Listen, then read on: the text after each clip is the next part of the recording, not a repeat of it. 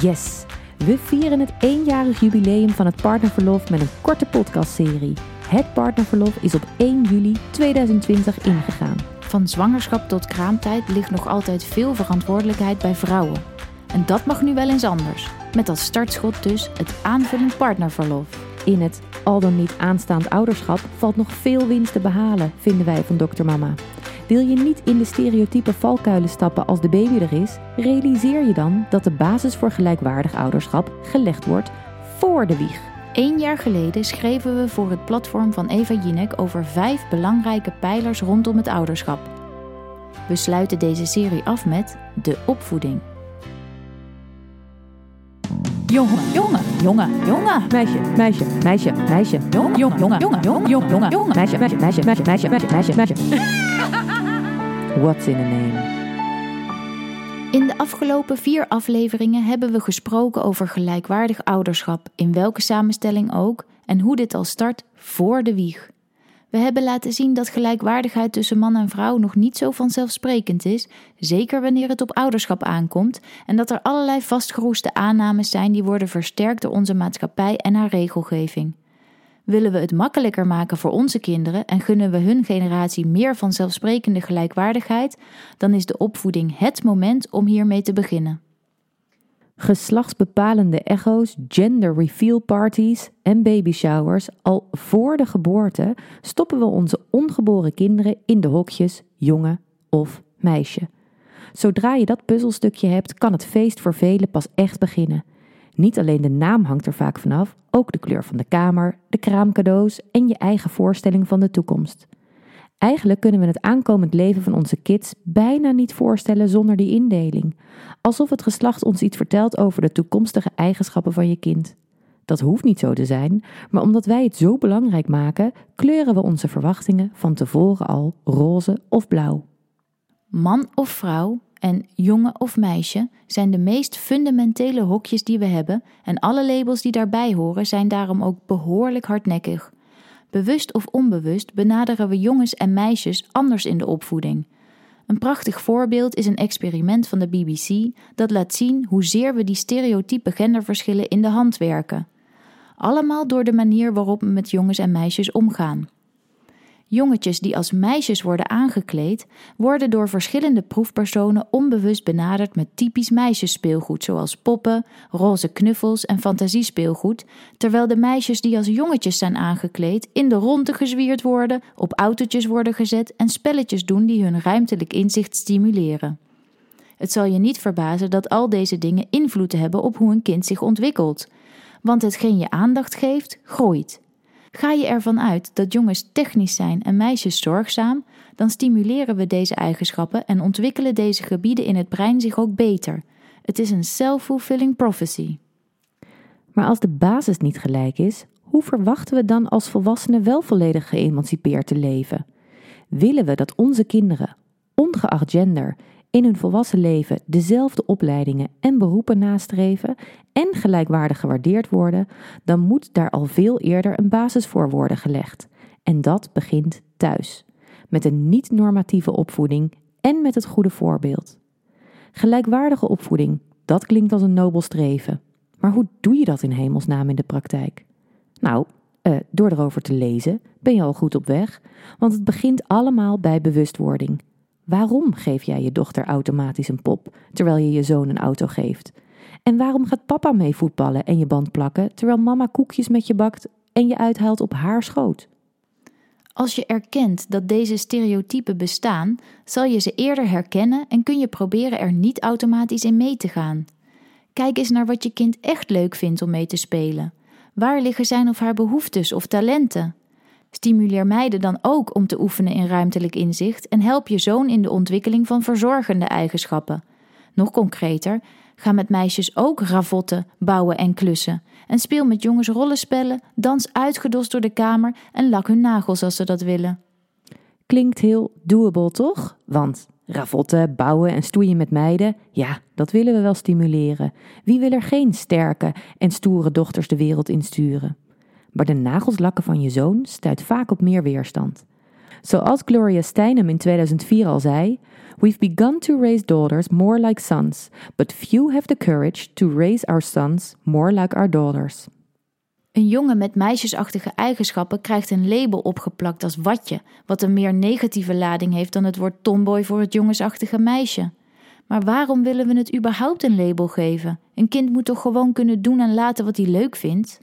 Om dat te bereiken moeten we typisch mannelijke en vrouwelijke eigenschappen herwaarderen.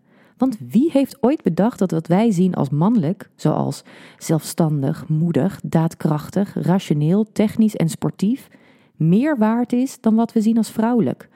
We hebben meisjes eeuwenlang geleerd om bescheiden, zorgzaam, mooi, gevoelig en dienstbaar te zijn. Maar de beroepen waarin deze waarden essentieel zijn, worden stevast minder beloond dan andere sectoren. Denk maar aan de zorg en het onderwijs, waar vrouwen al jaren in de absolute meerderheid zijn. Zolang wij doen alsof mannelijke eigenschappen meer waard zijn, zullen we terughoudend blijven om gevoeligheid, creativiteit en zorgzaamheid bij jongens te stimuleren. Dat is ook de reden dat ouders hun zoon liever niet in een jurk naar school laten gaan. In theorie willen alle ouders hun kind vrijlaten om keuzes te maken, ook als die buiten de norm vallen. Maar wat als die keuzes je kwetsbaar maken? Als volwassene is het al moeilijk om tegen de stroom in te zwemmen, maar als het om je kind gaat, wordt die angst alleen maar uitvergroot. Toch zal je moeten durven pionieren als ouders. En als de buitenwereld er nog niet klaar voor is, zorg dan in elk geval dat je de geborgenheid en het voorbeeld binnen jullie gezin creëert zodat je binnen die veilige omgeving wel buiten de gebaande paden durft te treden en niet eindeloos vasthoudt aan hokjes. Dat doe je door je kind uit te dagen en te stimuleren, maar dus ook door zelf het juiste voorbeeld te geven. Er zijn namelijk geen typisch mannelijk en typisch vrouwelijke eigenschappen. Het zijn allemaal menselijke eigenschappen. En dat mag je als kind rustig gaan ontdekken.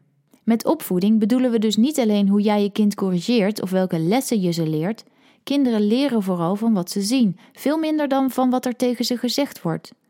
Dus wat jij doet of laat zien is leidend, maar we zijn ons lang niet altijd bewust van wat ons gedrag laat zien.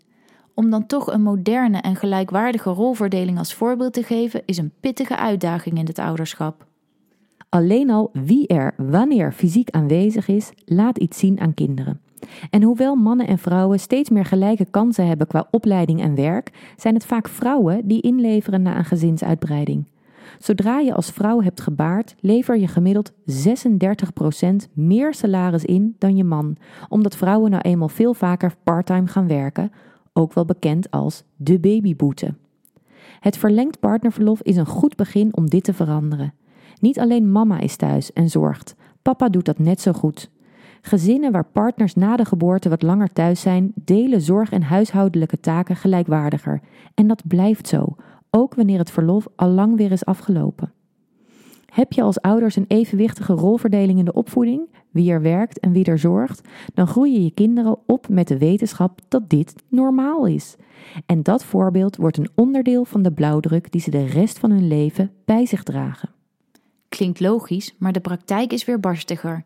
Hoewel bijna de helft van de ouders de zorg eerlijk zou willen verdelen, lukt dit vandaag de dag maar slechts één op de vijf heterostellen. Ook dat heeft voor een groot deel met die waardering voor verzorgende vrouwelijke eigenschappen te maken. De zogenaamde second shift, al het werk rondom huishouden en kinderen wat naast je werk thuis op je ligt te wachten, krijgt weinig waardering en wordt nog altijd vooral ingevuld door vrouwen. Het is een onwaarschijnlijke opgave om, nadat je er s'nachts drie keer uit bent geweest om je kind te voeden of te troosten, ochtends fris en fruitig op je werk te verschijnen en full pool mee te doen in de red race. Vaak heb je er, als de werkdag begint, ook alweer een drukke ochtendshift op zitten, maar er staat nou nooit iemand voor je te applaudisseren. Voordat je kinderen krijgt, kan je een heleboel bespreken en voornemen, maar het is een ongoing proces. Je zal de verdeling steeds moeten herevalueren.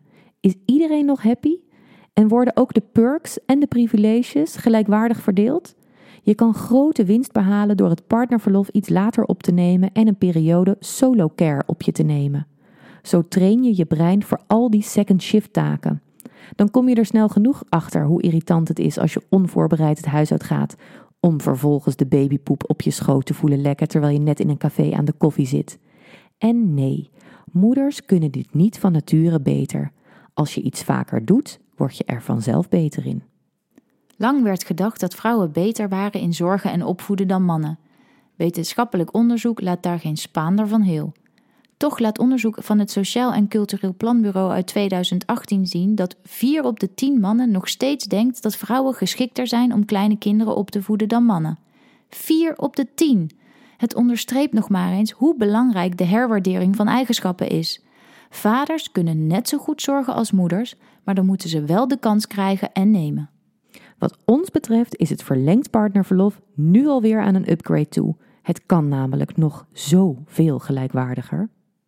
Jongen, jongen, jongen, jongen. Meisje, meisje, meisje, meisje. Jongen, jongen, jongen, jongen, jongen, jongen, jongen. Meisje, meisje, meisje, meisje, meisje, meisje, meisje, meisje. What's in a name? Dit was hem dan. Zo bijzonder om meer gelijkwaardig ouderschap met deze serie te vieren. Want opvoeden is vooral het leven en de liefde vieren. Je wil je kinderen overstelpen met liefde en beschermen tegen al het gevaar dat op hen loert, maar tegelijkertijd ook weerbaar maken. Zowel tegen bovenstaande stereotypen als tegen ongelukken.